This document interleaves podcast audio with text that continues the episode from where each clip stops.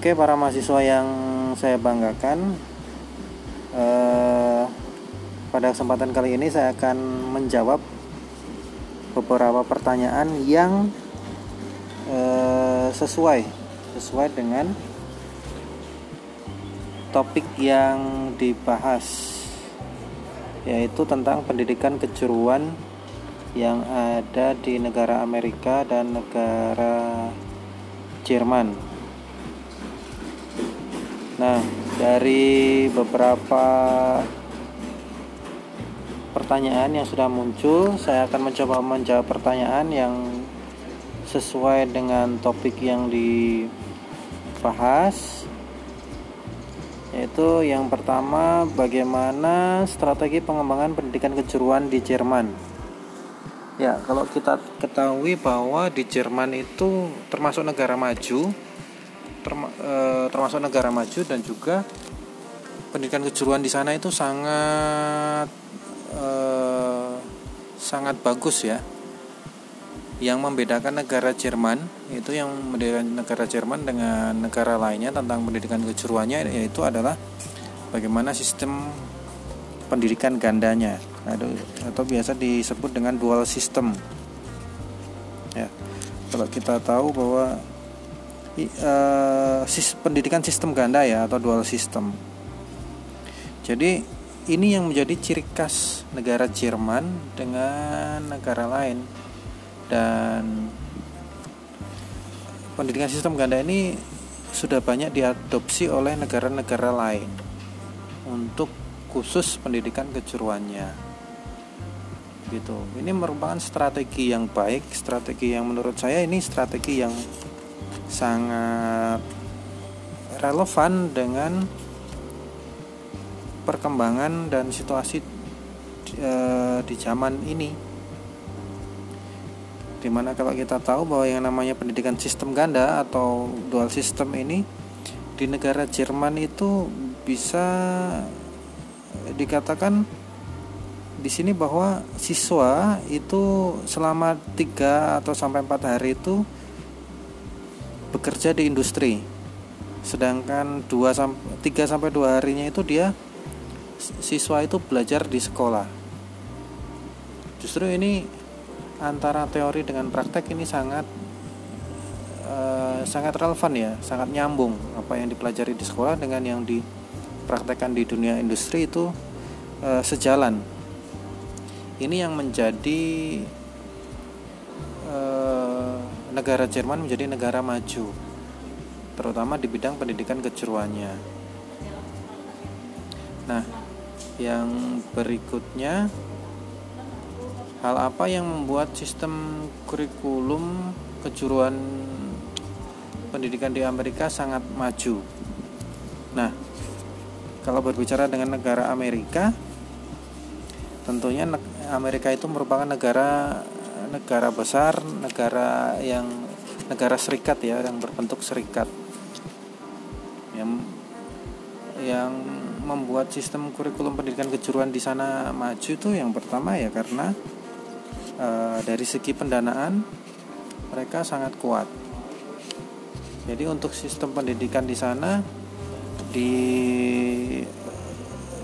e, dibiayai ya. Jadi untuk pendidikan anu sumber dana ya sumber dana penyelenggaraan pendidikan di sana itu ada bersumber da, ada tiga yaitu dari pemerintah pusat dan pemerintah negara bagian dan juga pemerintah lokalnya.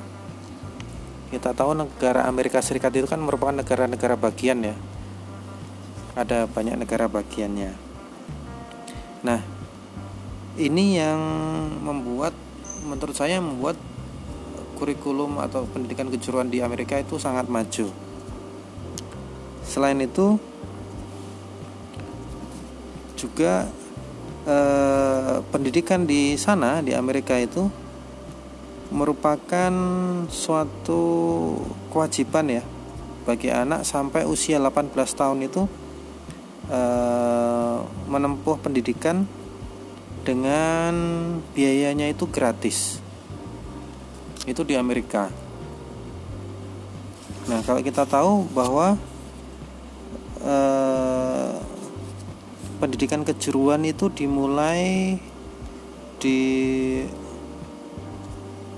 eh, di sekolah menengah ya. Mungkin kalau di di Indonesia itu udah setara SMP. Setara SMP itu sudah ada sekolah kejuruannya. Kalau kalian lihat di situ di bagian di halaman 44 itu kita lihat bahwa pendidikan vocational secondary education itu 4 sampai 6 tahun. Itu dimulai eh, pendidikan kejuruannya. Sementara kita SMK itu rata-rata hanya tiga tahun. Sementara kalau di Amerika itu 4 sampai 6 tahun untuk pendidikan kejuruannya. Itu yang membuat uh, sistem pendidikan kejuruan di Amerika itu sangat maju. Dan tentunya masih banyak lagi faktor-faktor yang lain Nah, berikutnya untuk pertanyaan yang berikutnya tentang 16 teori yang mewujudkan sekolah vokasi efektif e, berfungsi memenuhi kebutuhan kerja dan memenuhi kebutuhan pasar kerja. 16 teori. Nah, ini pertanyaan ini sebenarnya kalian bisa lihat sendiri di halaman 47 sampai 48 di mana paham proser ya di mana 16 teori 16 teori pendidikan kejuruan menurut proser ini sangat di uh, sangat dijunjung tinggi di sana ya. Untuk pendidikan kejuruannya. Jadi 16 teori ini yang dimaksudkan adalah 16 teori pendidikan kejuruan menurut Proser, bukan bukan hanya untuk di Amerika sebenarnya. Ini ini paham ini paham 16 teori ini itu sebenarnya dianut oleh semua negara. Makanya Bapak Proser ini, Alan Proser ini disebut sebagai Bapak pendidikan kejuruan dunia.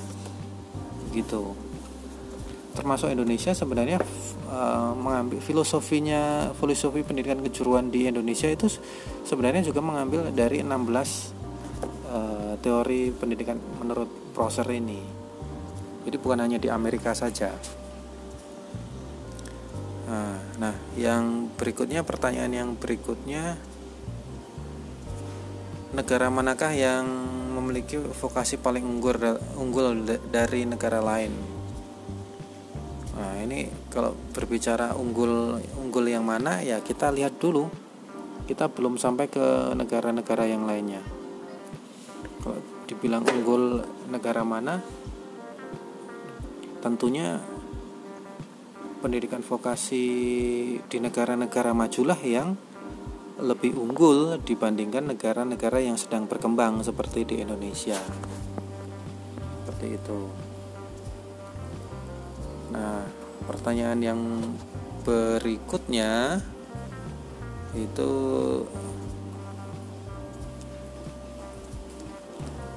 mengenai perkembangan pendidikan vokasi di Amerika itu bagaimana untuk kebijakan yang digunakan mengenai kurikulum pendidikan vokasinya dan yang mungkin sedang digunakan untuk perkembangan pendidikan vokasi di negara tersebut. Ini maksudnya bagaimana ini? Pendidikan vokasi di Amerika Serikat, bagaimana kebijakan yang digunakan untuk mengenai kurikulum. Nah, kita lihat bahwa di Amerika di Amerika itu untuk untuk jenjang pendidikannya ya untuk jenjang pendidikannya itu sekolah dasar itu 6 sampai 8 tahun untuk pendidikan dasar atau sekolah dasar itu berlangsung 6 sampai 8 tahun. Nah ketika sudah selesai menempuh pendidikan dasar maka siswa di Amerika itu uh, diberikan pilihan mau masuk ke pendidikan vokasi atau ke pendidikan umum. Di mana waktunya itu 4 sampai 6 tahun. Jadi setelah siswa Amerika menyelesaikan pendidikan dasar itu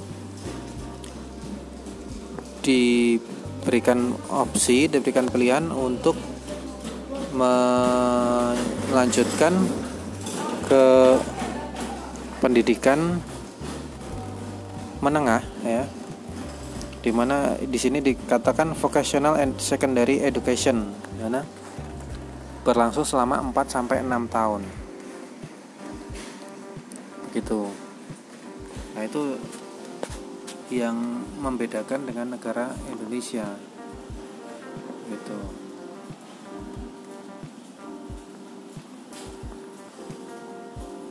Mungkin kurang lebih itu dulu yang bisa saya jawab. Nanti akan saya lanjutkan di uh, rekaman berikutnya terima kasih